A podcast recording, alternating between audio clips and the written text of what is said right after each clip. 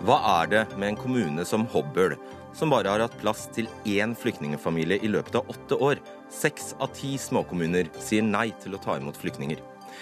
10 000 amerikanere demonstrerte mot Iran-avtalen i natt, og vi forsøker å forstå amerikanernes idiotforklaring av en avtale de fleste her hjemme vil se på som god. Som man reder, så ligger man, heter det. Etter å ha blitt utestengt fra all innflytelse er nå Sverigedemokraterna Sveriges nest største parti på en måling. Og de som er for homovigsel i kirken, må forbli medlemmer og stemme ved kirkevalget, ber preses.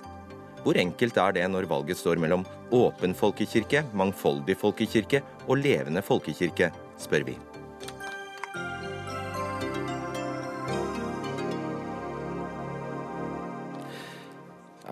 God kveld og velkommen til Dagsnytt 18. Mitt navn er Fredrik Solvang. Ja, Kommune-Norge sier ja til å ta imot stadig flere flyktninger. Det er den gode nyheten.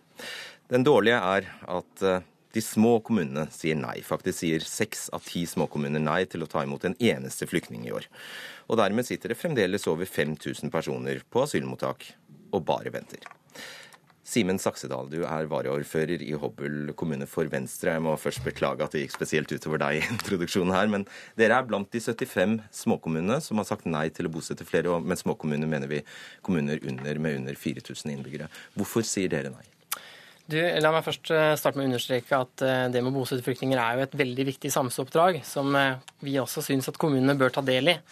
Og Vi har en positiv innstilling til å bosette i Hobøl, og vi har bedt vår administrasjon om å se nærmere på dette her i forbindelse med budsjettvedtaket vårt nå eh, høsten for eh, 2016.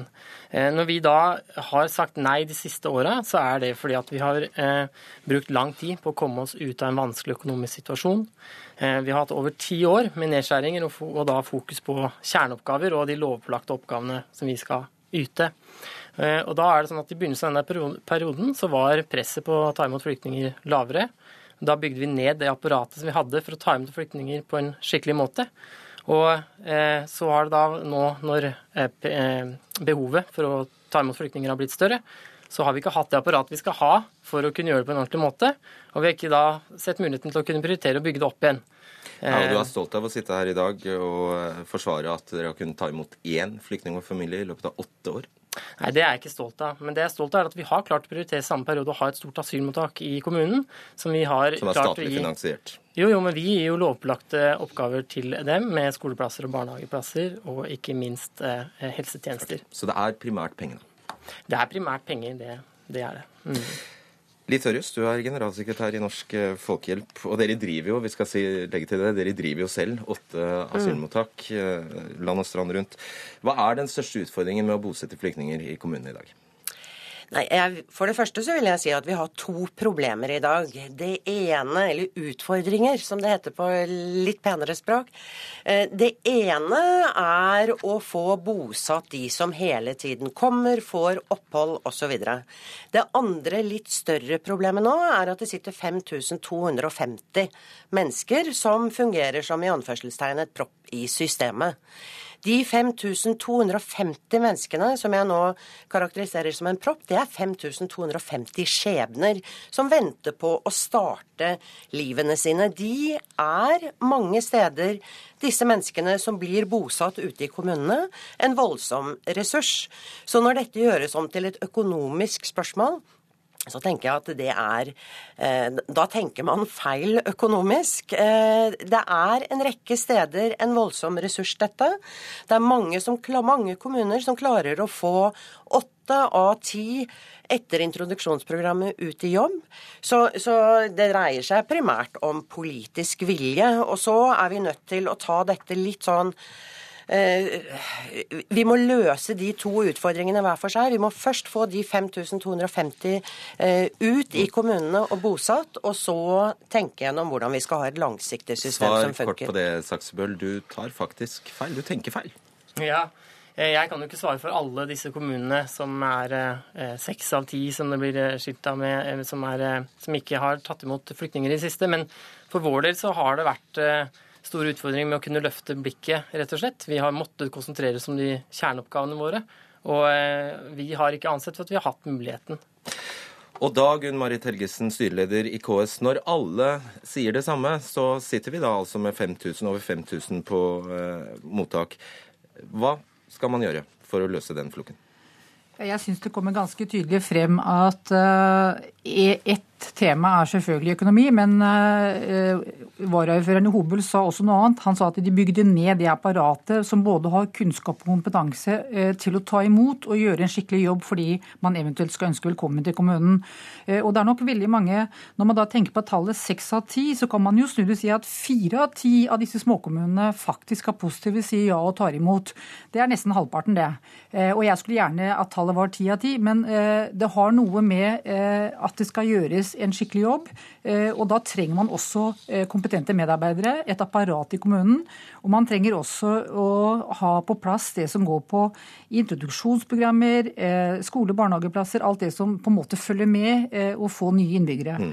Men også kommunene ser seg jo rundt om i en verden der ikke akkurat flyktningstrømmene avtar. Så det er jo, det er, man bør jo kunne formode at også de ser at en eller annen gang så, så, bør, så må vi også trå til. Ja, og det gjør man. Og det vi ser er at når vi nå KS har jo tatt opp med regjeringen i konsultasjonene, både forrige og denne, at det er behov for at, denne, at man rett og slett eh, betaler det det koster å ta imot flyktninger. Og eh, det, Integreringstilskuddet har økt, og det samme har også boligtilskuddet og rammen til Husbanken. Så noe av det er blitt noe økt de siste to årene. Og da ser vi faktisk at veldig mange kommuner har tatt imot rekordmange det siste året. Så det hjelper. Men det er også viktig å få sagt at det som er nytt i løpet av de siste to årene, er at nå blir alle kommuner spurt også kommuner som aldri har tatt imot flyktninger.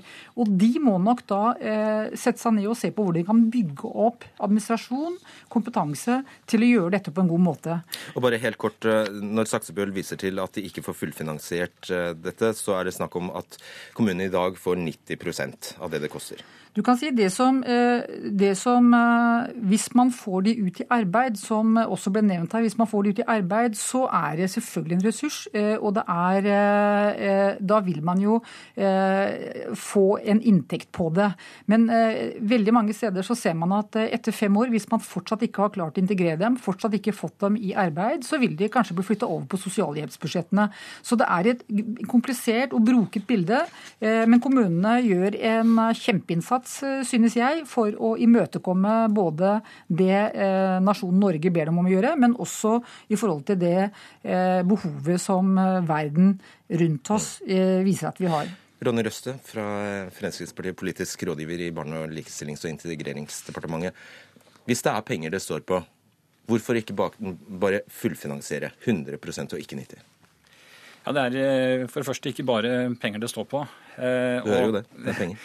Eh, og det er også sånn at eh, et estimert gjennomsnitt nå er på, på 90% Mange kommuner, som også styreleder i KS var innom, gjør denne integreringsjobben veldig godt og tjener faktisk penger på, på integreringa.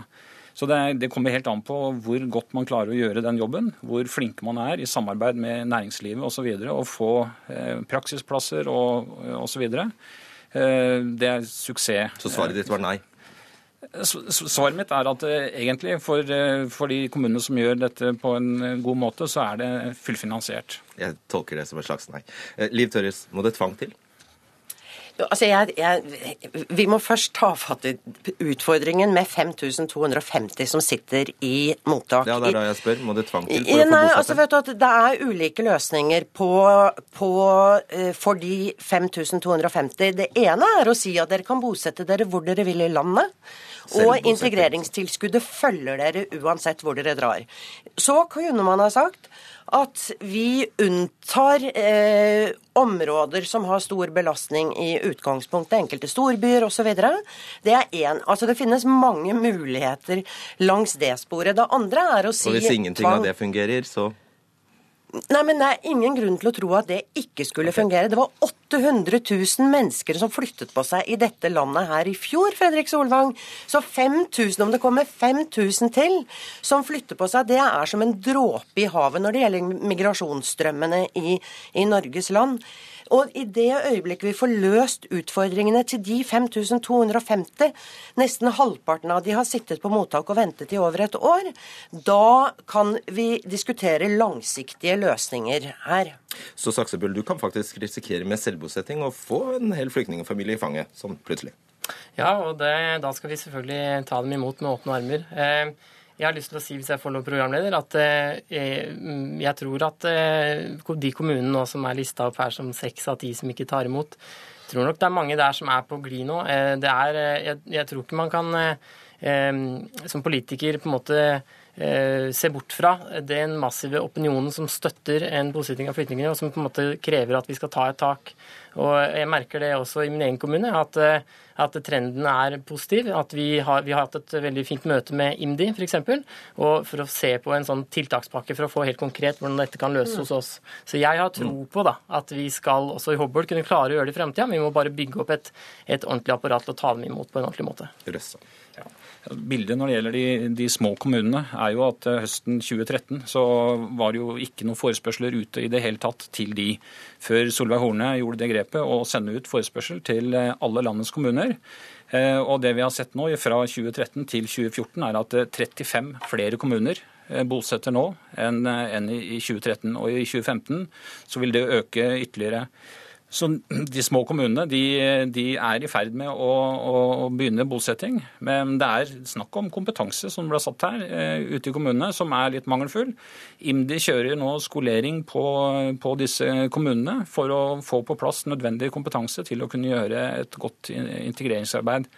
Så de tallene, eh, seks av ti, det er egentlig veldig gode tall hvis vi ser eh, i forhold til hva, hva som har vært eh, historisk situasjon. Helgesen, noen, ja, noen flyktninger vil jo ganske enkelt kunne bosettes uten et enormt behov for hjelp, mens andre er i en helt annen situasjon. Kunne det ikke være en idé å Eh, være raskere med de minste å bosette personer og familier som egentlig klarer seg helt fint alene? Jo, og dette er jo ting vi kontinuerlig diskuterer eh, med regjeringen i konsultasjonene. Og man kan eh, tilstrebe noe mer fleksibilitet og lette litt på de rigide kravene i introduksjonsprogrammet også.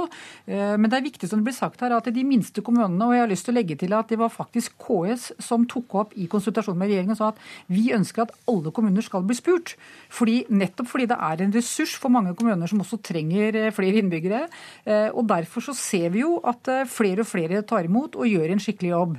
Og jeg er enig med, med siste som nevnte at seks av ti er egentlig et godt tall. fordi det er bare det siste året eller halvannet hvor det har blitt en praksis at vi nå spør alle kommuner. Og jeg tror at når man etter hvert får på plass et rammeverk som gjør at kommunene føler at de kan gjøre en god jobb, så kommer det kommunene til å ta det ansvaret som de har tatt, alltid har tatt.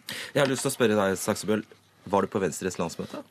Nei, det var jeg ikke i år. Ville du ha stemt for 10 000 ekstra syrieflyktninger om du var der? Ja, det ville jeg helt klart. Ser du at problemet hadde blitt enda større da? Eh, det hadde blitt en større utfordring selvfølgelig, med de vi har i kø fra før. Så eh, det som er viktig, er jo det at eh, det er helt klart at Norge skal ta sitt ansvar. Og så er det som, som Folkehjelpa var inne på her, hvordan vi skal løse det. Der må vi jobbe sammen. Jeg tror det at alle her egentlig, og alle rundt i kommunene, veldig mange i hvert fall, er enige om at vi skal klare å få det til, men vi må bli enige om hvordan vi skal klare å få det til. Mm. Og Tørres, det var jo du, du sto jo bl.a. bak dette kravet om 10 000 syriaflyktninger fordelt på to år, som det jo ikke ble til slutt, men dog. Dette er jo flyktninger som går på toppen av de 5000. Så hvordan, Du har jo skapt et, en enda større utfordring, da, som du kaller det. Du, altså, kan, Hvis jeg tar et halvt skritt tilbake Eh, det er altså rundt 60 millioner flyktninger ja, det, på verdensbasis. Ja. Så vi snakker egentlig om bitte, bitte, bitte små tall her i Norge, som vi da diskuterer i, økonom, i en økonomisk sammenheng. Vi sitter jo nå og diskuterer en så, altså, utfordring med at mange sitter på mottak. Ja, altså, men, men ha, med, ha med her følgende. Eh, vi syns det er veldig bra at alle kommunene blir spurt. Det er gjort noen grep. Introduksjons... Eh, unnskyld, er økt. Det er veldig bra. Det er ingen tvil om at økonomiske insentiver også har en betydning. Men du løser ikke utfordringen til 5250 mennesker som sitter på mottak i dag, ved verken informasjon og spørsmål til kommunene eller økonomiske insentiver. Det må en politisk vilje til, sentralt og lokalt. Og så er man nødt til å si at det må en radikal løsning til. For de 5250 så kan vi diskutere langsiktige ordninger etterpå. Men de 5250 trenger en løsning nå. De kan selvbosettes, eller man kan løse det med tvang. Men man må finne en ordning til de først. Dette Der har du løsningen, Røste. Ja, eh, når det da samtidig eh, sies at 10 eh, 000 skal tas imot, i tillegg til at man sliter med de fem, 5002, så, så viser jo det hvor, hvor, vanskelig dette er. Eh, uten de ekstra kvotene som nå tas, så hadde vi klart å begynne nedbygginga. Og du ville ikke engang prøve med selvbosetting? Nei, Selvbosetting det er ikke løsninga på det her. fordi Da risikerer de å bosette seg i steder hvor det ikke finnes et apparat til å håndtere integreringa. Kommunene har i dag muligheten til å benytte selvbosetting innenfor de eh, rammene de har. Og det gjøres også i noe grad, men det å på landsbasis ha en sjølbosetting, det har de i Sverige, eh, og det er ikke noen eh, farbar vei. Ok. Vi skal diskutere Sverige eh, aldeles straks, men jeg må si takk til dere der. Liv Tørres, Simen Saksebøl, Ronny Røste og Gunn Marit Helgesen. Dagsnytt 18 alle hverdager kl 18.00 på NRK P2 og NRK2.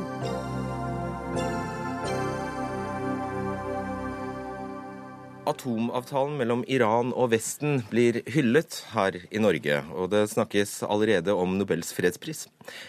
I USA derimot er situasjonen en ganske annen. 10 000 amerikanere demonstrerte mot avtalen i New York i natt, og flere republikanske presidentkandidater leder an, og de får støtte av den israelske lobbyen.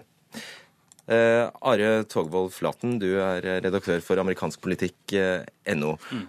Av de amerikanerne som har hørt om Iran-avtalen, er faktisk 48 motstandere av eh, avtalen, ifølge en Reuters-måling.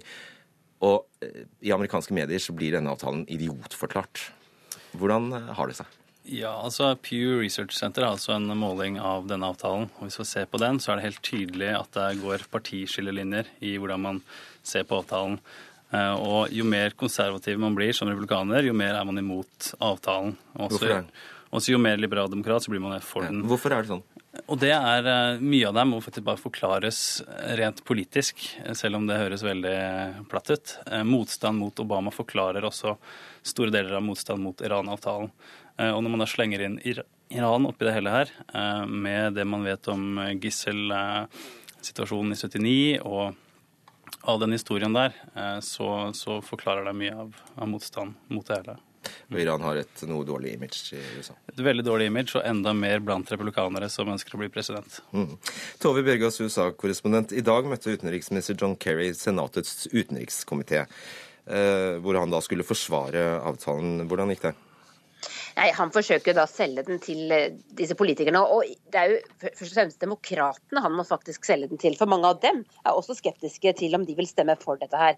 Eh, og det er det som til syvende og sist vil avgjøre om, eh, om, president Obama vil lykkes med å legge ned et veto mot en avstemning i Kongressen. Men Kerry for da, ja, bare La oss forklare det. for da, da, er det altså slik at republikanerne ganske sikkert stemmer nei, så vil, så vil Obama nedlegge et veto, og så trenger han to da, tredjedels ja, Da trenger han to tredjedels flertall i huset og 60 senatorer. Ja.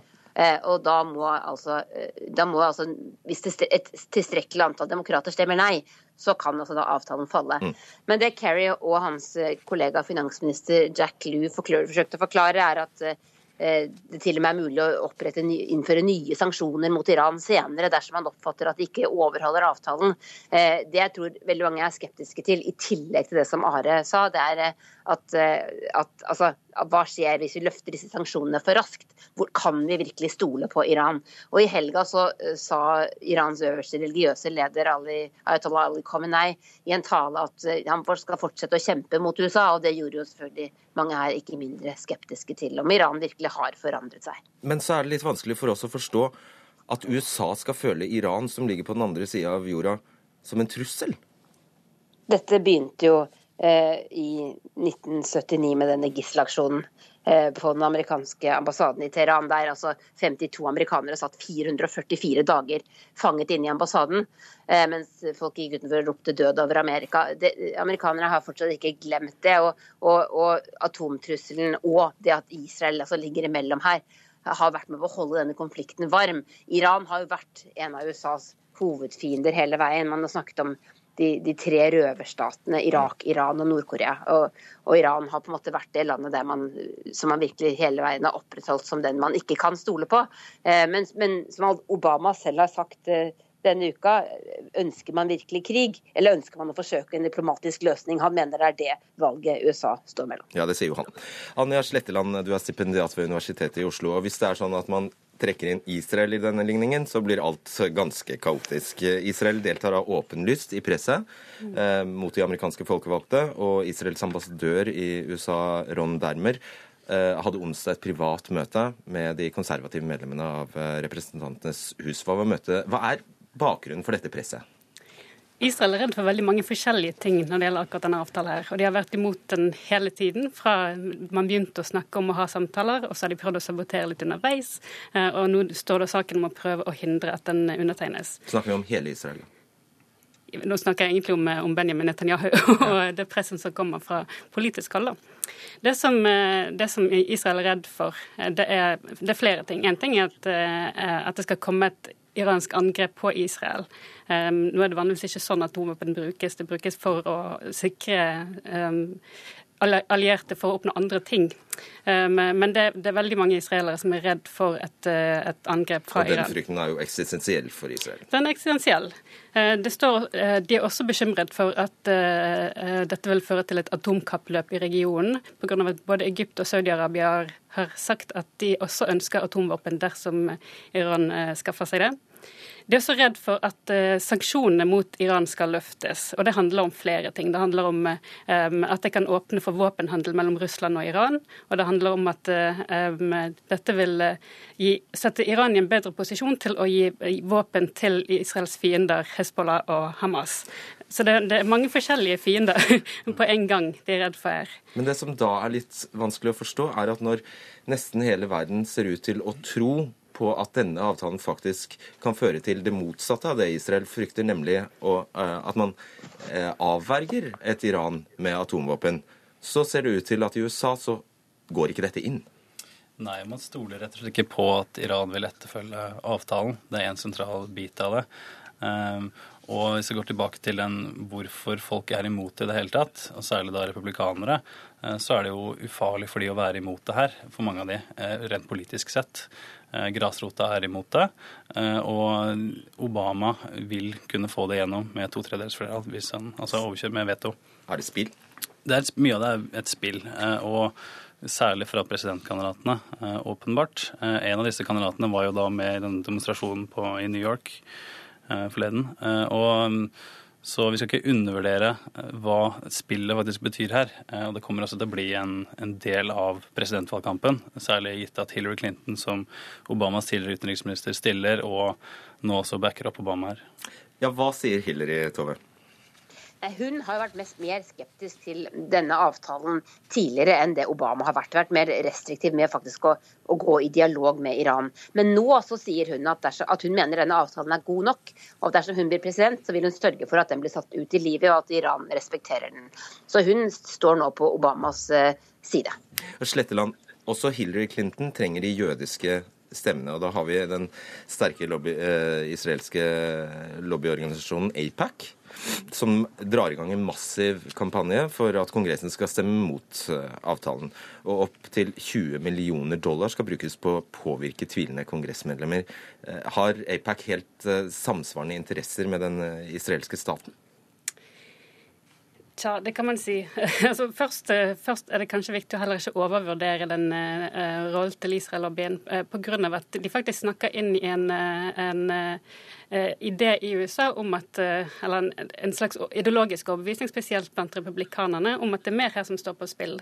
Nemlig at eh, det handler om Iran er da et regime som har gjort akkurat som de har hatt lyst til, og sluppet unna med det. Og, og, den rollen er de vel, og Republikanerne spesielt er veldig redd for å miste USA sin rolle som en, som en streng stormakt. At de nå rett og slett gir opp for masse. Um, og, så, og, Derfor så skal man være litt forsiktig med å liksom legge for masse på, på APEC.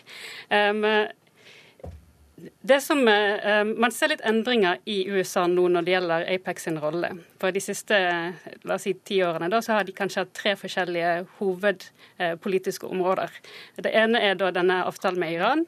Så har det vært Israel-Palestina-konflikten. Og så har det vært å, å styrke støtten til, til Israel på generelt plan.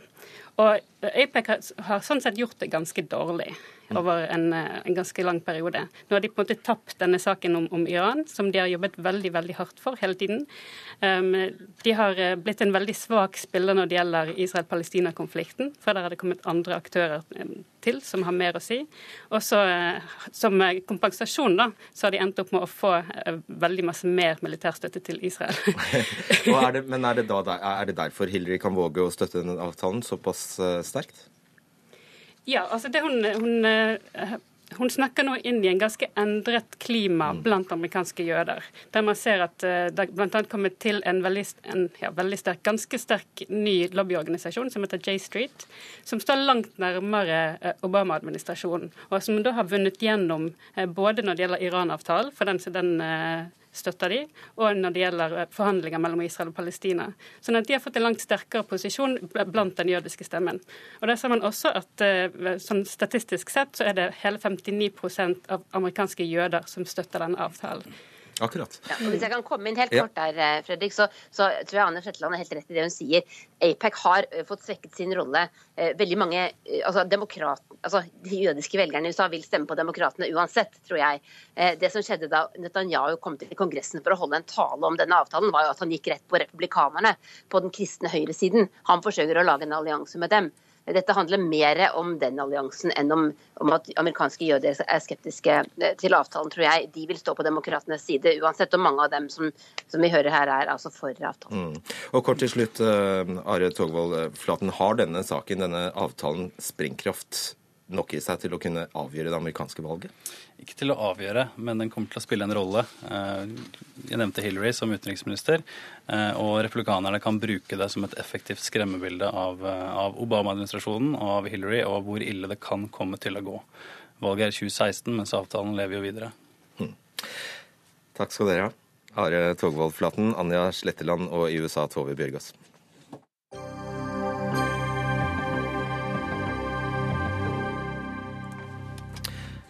Ja, Så til det som vel må kunne betegnes som et politisk jordskjelv i Sverige. For med sjokkerende 23,3% er Sverigedemokraterna Sveriges nest største parti. Det kommer fram i en måling gjort av meningsmålingsinstituttet Sentio. For første gang i historien er partiet større enn Moderaterna, og er kun 0,8% bak Sosialdemokratene, om det skulle vært valg i dag. Rikard Jamshoff, du er partisekretær i Sverigedemokraterna. Jeg må begynne med å gratulere deg. Tack så mycket. Tack. I 2010 hadde dere 5,7% og nå er dere Sveriges nest største parti. Hva har skjedd? Det har hendt veldig mye. Framfor alt så har vi fått sjansen at via riksdagen synes og høres på et sett som vi ikke har kunnet gjøre tidligere. Det er klart, Vi har blitt en, en ganske vanlig og normal del av eh, de svenske medborgernes hverdag. Og vår politikk har helt enkelt blitt mer kjent for det svenske folket. Men sen har vi også parallelt med det en situasjon der vi har i Sverige en veldig ekstrem innvandringspolitikk som ikke har noe stöd hos det svenske folket. Och det er klart, det finns jo bare ett parti i Sverige som er kritiska til denne politikken og det er ju Sverigedemokraterna. Så det er ganske naturlig at att man også kommer over til oss som en följd av det her.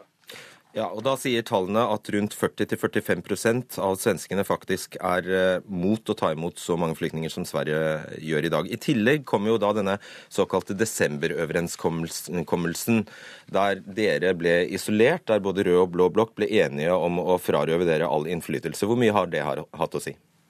Ja, jeg tror det, det finnes mange forklaringer til, til Sverigedemokraternas framganger. og Naturligvis er jeg helt overbevist om at desemberöverenskommelsen er en viktig forklaring vi merker jo det på eh, mange av de medlemmarna som kommer til vårt parti og som har kommet de senaste månedene. Det er jo mange gamle moderater.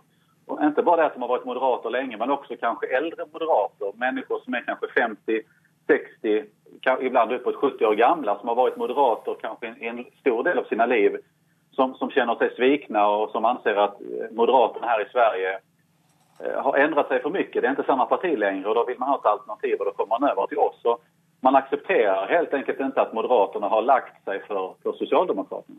Så dere tolker dette som en uh, protest mot det bestående? Ja, altså det er sikkert så at det finnes en protest fra første begynnelse. Mange av de velgerne som har kommet til Sverigedemokraterna, så var det for meg også første gangen jeg gikk med i Sverigedemokraterna. Det er klart at det var noen slags protest noenstans, men efter et tag når man lærer kjenne partiet og lærer kjenne partiets politikk, så, så, så blir jo folk overbevist. Vi har en veldig bred og bra politikk i vårt parti. og Invandringspolitiken er jo ett sätt å få inn menneskene, men sen så, så lär de også kjenne at vi har politikk på mange andre områden. Så att det som börjar som en protest brukar ju bli en långvarig eh, tid i partiet. Og det er det som er vår utmaning nu også. Att behålla de väljarna som faktisk kommer til oss så att vi ikke förlorar dem litt längre fram. Utan de skal jo stanna hos oss i tanken. Og det er ja. en stor utmaning for oss. Og da har din partileder Jimmy Åkesson eh, sagt altså i sin tale under Almedalsvekkan at partiet nå skal satse på mykere eh, temaer. Eh, og han sa også at dere skal bli størst. Ja, men det er vel trevlig. Det er vel bra at man har en, en, en, en et, et, et, ljus der framme i tunnelen. Og jeg tror faktisk helt ærlig at, at det er fullt mulig det blir størst. Så lenge de andre partiene beter seg på dette settet og før det jeg anser var en, en veldig politikk som ikke har så stort stød blant det svenske folket, så er sjansen for oss og risken for de andre naturligvis stor at vi også kan at vi tar andreplassen, det, det, det, tror jeg nok at vi kommer å gjøre. At vi kan komme å beholde den også lenger fram. Det beror så klart på Moderaterna hvordan de spiller sine kort. Men vi kan bli største parti. Jeg tror det er fullt mulig. Naturligvis. Absolutt. Vi får se. Takk skal du ha, Rikard Jamshoff. Eirik Løkke, rådgiver i Civita, velkommen. Takk. Får det etablerte politiske Sverige nå som bestilt? Det er i hvert fall ikke overraskende, etter min mening, at Sverigedemokraterna går fram her. Og det er tre hovedgrunner til det, som til dels henger sammen, og som også partisekretæren i Sverigedemokraterna var inne på. Det ene er jo at eh, de etablerte partiene i veldig liten grad adresserer de områdene som Sverigedemokraterna er opptatt av, og som mange svensker er opptatt av, nemlig innvandringsdebatten. Eh, det andre ble også nevnt, dette med desemberoverenskommelsen, hvor man i praksis gjorde eh, til det eneste opposisjonspartiet i eh, Sverige. Så hvis man er mot det bestående og vil protestere, så må man gå til Sverigedemokraterna. Og den siste grunnen er jo måten den svenske offentligheten fungerer på, hvor det er veldig vanskelig å ta opp eh, problemer med innvandringen. Man blir ofte beskyldt for å gå Sverigedemokratenes ærend hvis man gjør det. Eh, og Jeg syns ikke det er positivt at Sverigedemokraterna eh, går frem. Eh, men det er jo et problem da for de andre etablerte partiene at de i så liten grad forsøker å anerkjenne og adressere de utfordringene som en del av innvandringen i Sverige har fått med seg. Marte Gerhardsen, leder i Tankesmien Agenda. Sverigedemokraterna ligger altså 0,8% bak Sosialdemokratene på denne målingen. Blir du skremt? Ja, dette er i hvert fall veldig dårlige nyheter for Sverige. Det er klart at, at Sverigedemokraterna er, eh, er ikke et samlende parti. Det er et parti som eh, bygger på protest, og som ikke har de løsningene Sverige trenger for å møte de utfordringene de har. Så dette er dårlige nyheter for Sverige, og for å, og for å få, den, få den gode økonomiske utviklingen som Sverige trenger.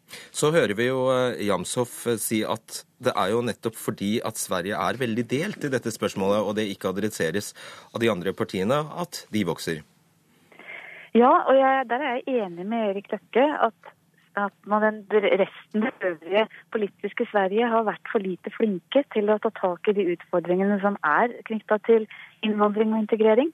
Sverige har jo hatt mye større utfordringer enn det vi har hatt i Norge. Vi har jo hatt opptøyer og gjengvold som vi ikke har sett, uh, sett, her. Og det er klart at når ingen i de etablerte partiene, verken Sosialdemokratene eller Moderaterne, tar tak i disse problemene og prøver å løse dem, så, så får eh, Sverigedemokraterna det litt for enkelt. Så der tenker jeg at de må uh, banen og ta en mye mer reell debatt. Men så mener jeg også at jeg tror ikke det er bare integrering og innvandring som er eh, grunnen til Sverigedemokraternas suksess. Altså, Sverige har hatt eh, lang tid store utfordringer. De har en veldig høy ungdomsledighet. 20% av svenske ungdommer er uten jobb. Og sånne, sånne, ting er også med på å skape grobunn for, eh, for protestpartier som Sverigedemokraterna. Løkke, er du enig med Gerhardsen i at det er partiet Sverigedemokraterna som skaper denne ulikheten? Eh, om det er Sverigedemokraterna som skaper ulikheten, det er jeg mer usikker på. Når Sverigedemokraterna ikke har hatt noe makt eller innflytelse foreløpig, så står det vel mer som et uh, protestparti. Men jeg er enig i at uh, det er også andre årsaker til at Sverigedemokraterna vokser, selv om innvandringsdiskusjonen er, hovedårsaken til det. Og det er klart at selv om Sverigedemokraterna er de som mest snakker om disse utfordringene og problemene, så er jeg jo også enig med Matte Gerdsen i at det er ikke nødvendigvis de som har de beste løsningene, men da er det svært viktig at de andre partiene i Sverige anerkjenner utfordringene, anerkjenner problemene og begynner å diskutere det her på en skikkelig måte. Fordi at Sverige kommer til å ta opp under 100 000 syrere eh, som flyktninger. Man diskuterte jo flyktninger her tidligere, og Sverige er jo et helt annet nivå. Det er det landet i Europa som tar imot desidert flest flyktninger. Og det er mye positivt med det, det humanistiske aspektet. Men samtidig så er man nødt til å anerkjenne at dette ikke kommer til å skje uten friksjoner, uten problemer. Og jeg tror Hvis de etablerte partiene forsøker å skyve dette under teppet, så kommer Sverigedemokraterna til å fortsette å vokse. Og det vil være uheldig. Har de skutt seg i foten, Karasjen?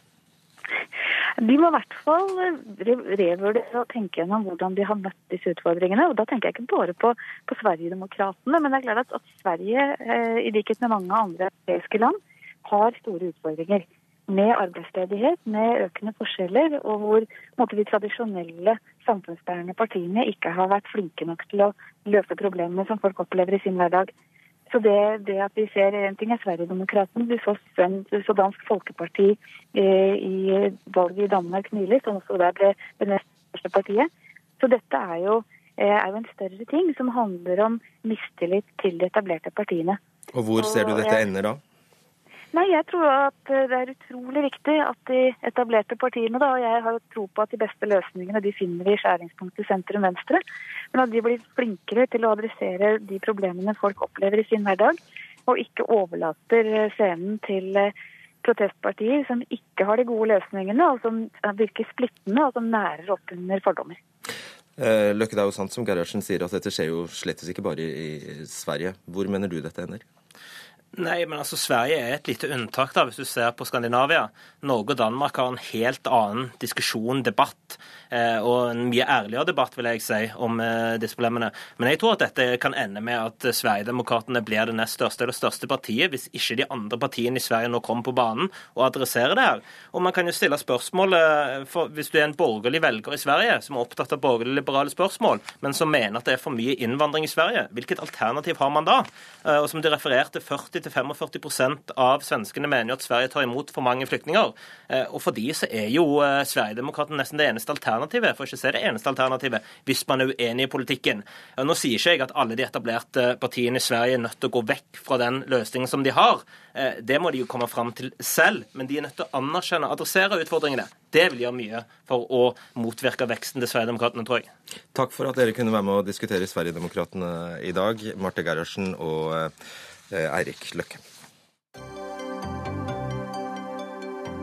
Hør Dagsnytt 18 når du vil. Radio NRK Radio.nrk.no.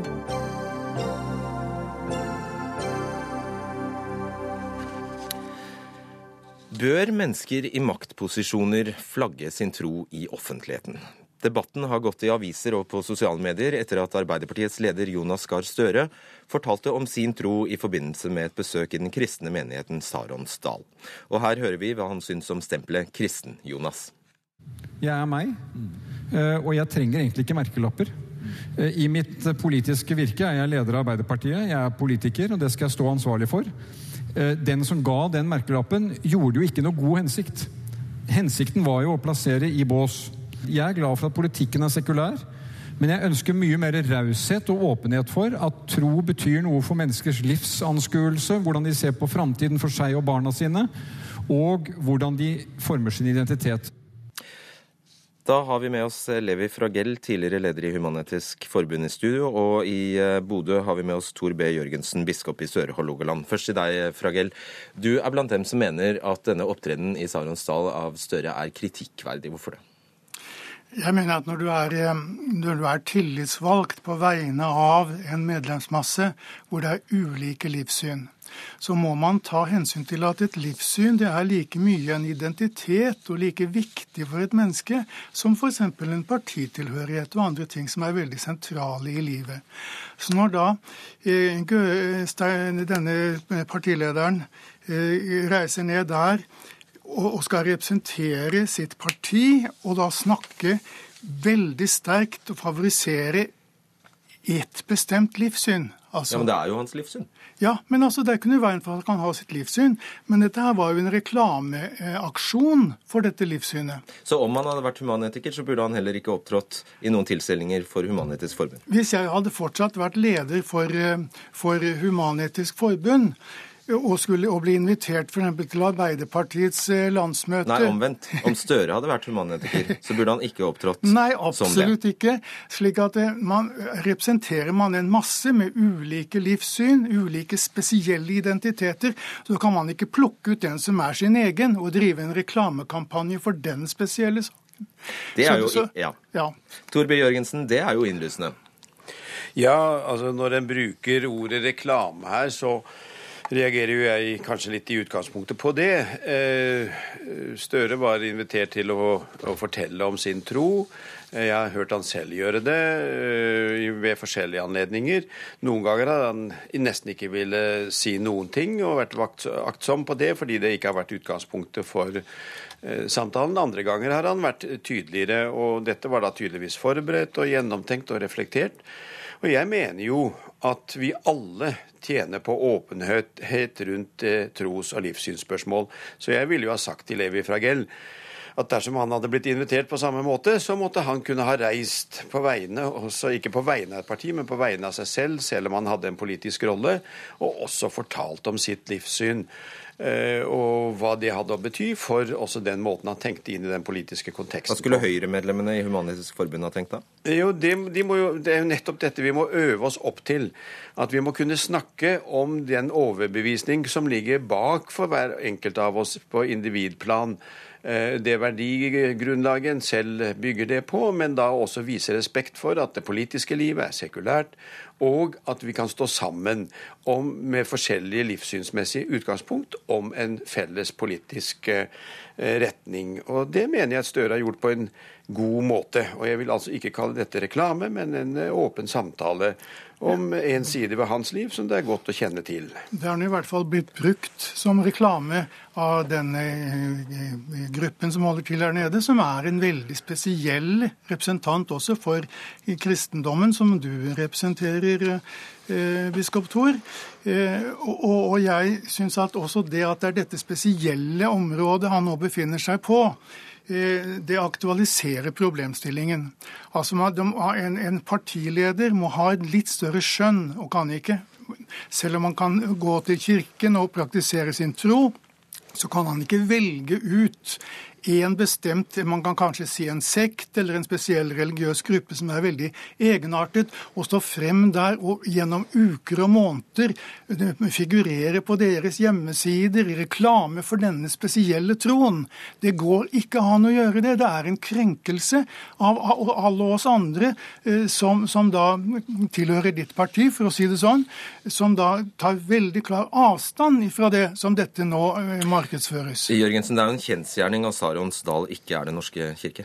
Ja, på alle vis, eh, hadde jeg nær sagt. Eller i hvert fall på mange vis. Eh, det tror jeg de fleste vet om. Men, eh, og Det er jo en interessant innfallsvinkel her, nemlig spørsmålet om er en slik deltakelse en legitimering av alt det denne religiøse bevegelsen, altså Sarons dal, Troens bevis, som den kalte seg tidligere, står for. Det mener jo jeg formodentlig at Støre både har gjort klart overfor Eh, forsamlingen, og i hvert fall overfor de som har invitert han, at det dreier dette seg ikke om. Eh, han har fortalt om sin tro og sitt utgangspunkt, og det tror jeg at han har gjort på en veldig klar og tydelig og god måte. Ja, eh, han legitimerer det, det er det som er problemet. Å vise den formen for positiv interesse, snakke til denne forsamlingen som han syns var en stor personlig opplevelse. Det, det går ikke i hop med å, å, stå på plattformen sammen med f.eks alle predikantene som var der, ville være motstandere av homofilt samliv. Arild Edvardsen, som, eh, som, stiftet dette, han sa f.eks. at Gud skapte ikke Adam og Eva, han skapte Adam og Eva, han skapte ikke Adam og Even. Og hele dette miljøet har vært blant de groveste til å ta avstand fra det som i dag er blitt kjernesaker i et moderne samfunn for å få frem humanistiske verdier. Men, men, mener ikke du da, Fragel, og der liksom har jeg en helt annen tilnærming, da går det ikke an å tenke seg at nettopp en person som eh, Støre, det kunne vært for så vidt hvem som helst annen politiker, og hvem, hvilket som helst annet livssyn, etter, eh, etter min oppfatning, som da er med på å skape utfordringer fordi vi skaper sjablonger om hverandre. Som møter en Støre som en vet står for mange andre ting enn det som kanskje er det vanlige for den flesteparten av de som samles der, og plutselig får en respekt for en politiker på et litt annet grunnlag enn det en har tidligere, som igjen kan ha innflytelse på hvorledes en snakker om hverandre og oppfatter ting. Så jeg tenker at den dynamiske prosessen i det åpne samfunnet vi ønsker oss, er nettopp avhengig av sånne crossovers ved at vi møter hverandre, er sammen, få respekt for folk som vi ellers setter i båser, og derfor, ikke ja, ja, vil det, forholde oss til jo, hverandre. det, dette er gode bivirkninger, det, jeg er enig i det. Så vi skal ikke være blind for at dette kan også ha positive effekter. Men nå ser jeg på det rent prinsipielle, den store linjen. Eh, Og da vil jeg bare stille deg et siste kort, eh, kort spørsmål. Knut Arild Hareide var jo også der. Ja, og den alliansen der med, eh, med altså at Ha- Hareide også er der, det aksentuerer jo det politiske i dette. Altså, nå, Men det er like ugreit at han er der som Nei, er der. absolutt ikke. For, for Hareide representerer jo kristenfolket. Han representerer jo alle de som satt der. De elsket jo ham. Slik at, og det var jo et helt gjensidig forhold. Men, men, men Støre er det annerledes med, for han representerte alle oss andre. Altså, ja. Ok, da skal vi bare, Jeg skal bare avslutte med å si at den omtalte, mye omtalte Støre er invitert hit. Han eh, ønsket ikke å delta i denne diskusjonen. Men takk skal dere ha, Levi Fragell og Torbjørn Jørgensen i Bodø.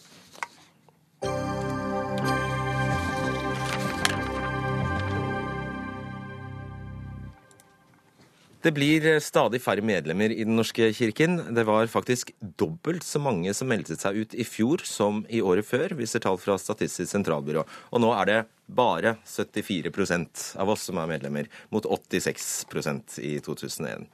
Og dette bekymrer deg, Helga Haugland Byfuglin. Du er preses i bispemøtet og er med oss på telefon. Ja, jeg mener at vi skal ta på alvor at eh, det i fjor ble en eh, utmeldingstopp.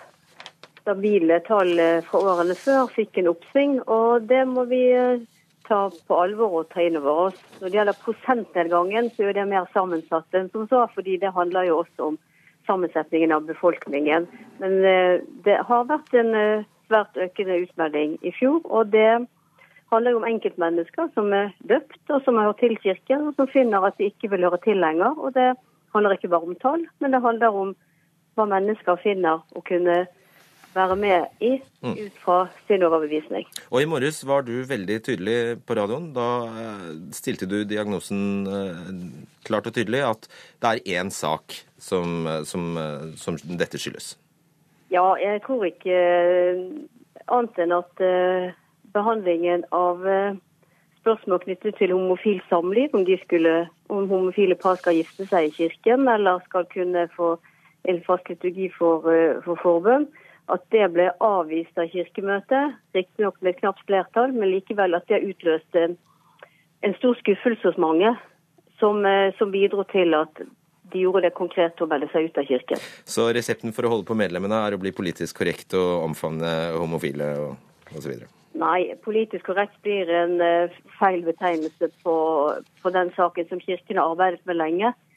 Det som eh, dette handler om for eh, svært mange i Kirken, det er verdispørsmål. Det handler om forståelse av eh, en del enkelte bibelvers, og det handler om forståelse av, av helheten i Bibelen. Og dette er det ulike syn på i Kirken vår. Det kommer det ganske sikkert også til å bli.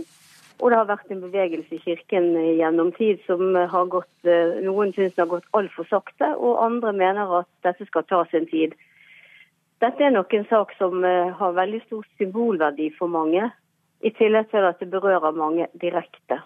Og Det tror jeg er grunnen til også at eh, det er langt flere enn de som er direkte berørt i sitt liv, som eh, her har meldt seg ut. Men beklager du det? Jeg regner vel for så vidt med at du på en måte beklager det, i og med at du antagelig syns at evangeliet taler for seg? Jeg beklager at mennesker ikke finner å skulle fortsatt være i kirken som de er døpt inn i.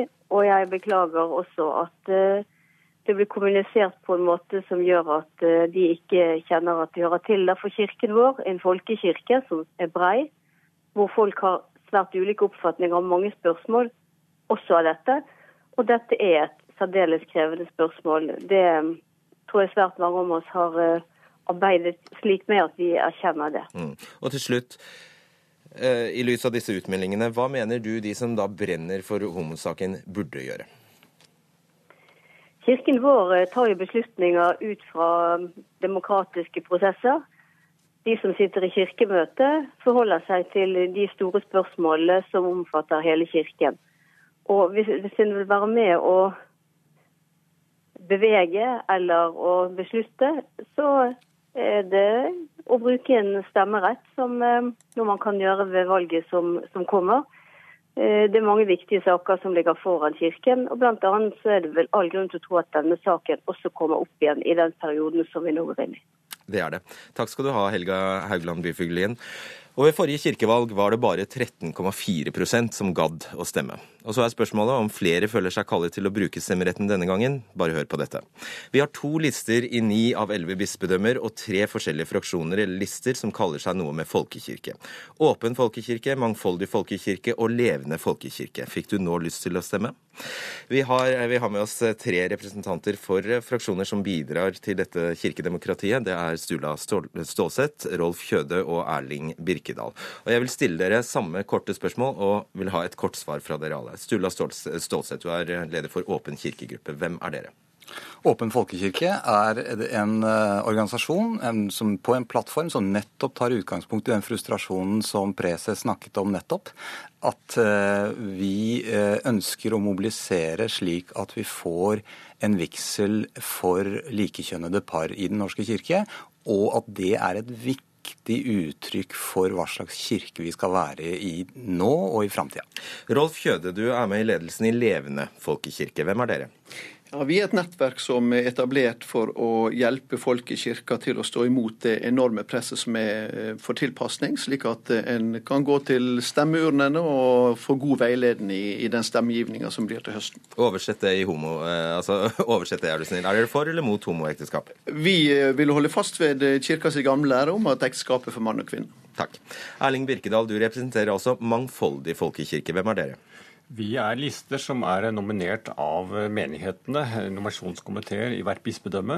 Og det er mangfoldig i den betydning at det er personer som har ulike oppfatninger, også i dette spørsmålet om ekteskap. Eh, så vi er eh, skal vi si, en liste som favner alt på oss, fra høyre til venstre i det kirkelige landskapet. Takk.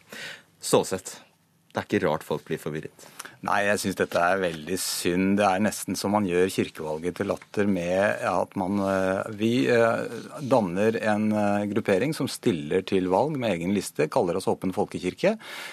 Så stikkordet i alt vanskelig er bare at folk må huske at hvis de vil gjøre noe med homovigsel i Den norske kirke, må de stemme Åpen folkekirke.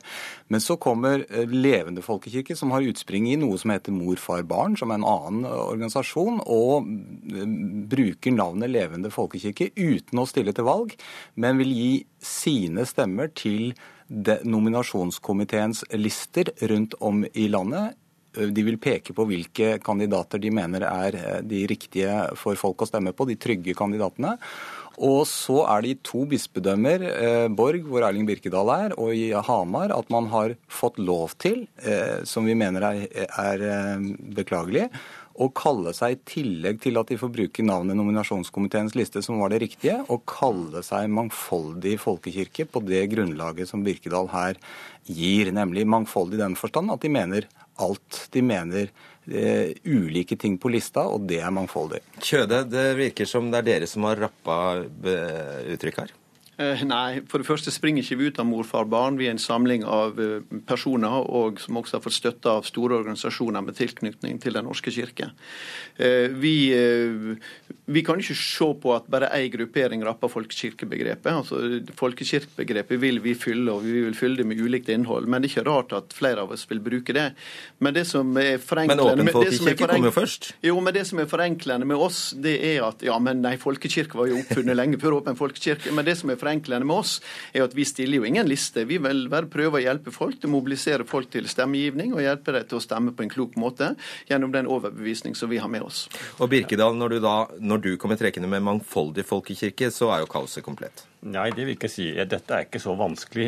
Vi var jo først, for å si det sånn. Nominasjonskomiteen lagde en liste til 1. mars, og den var mangfoldig i betydning at det var mandater til nominasjonskomiteen. Skulle sette sammen personer med variasjon i oppfatning av ulike kirkesaker, kjønn, geografi og alder osv. Eh, og så kom Åpen folkekirke, og da ble det et listevalg. Og da ble det jo vanskelig for oss å fortsette bare kalle oss nominasjonskomiteens liste som et sånt forretningsbegrep. Så vi ønsket en identitet en navn som kunne si noe. Og folkekirka er felles arena.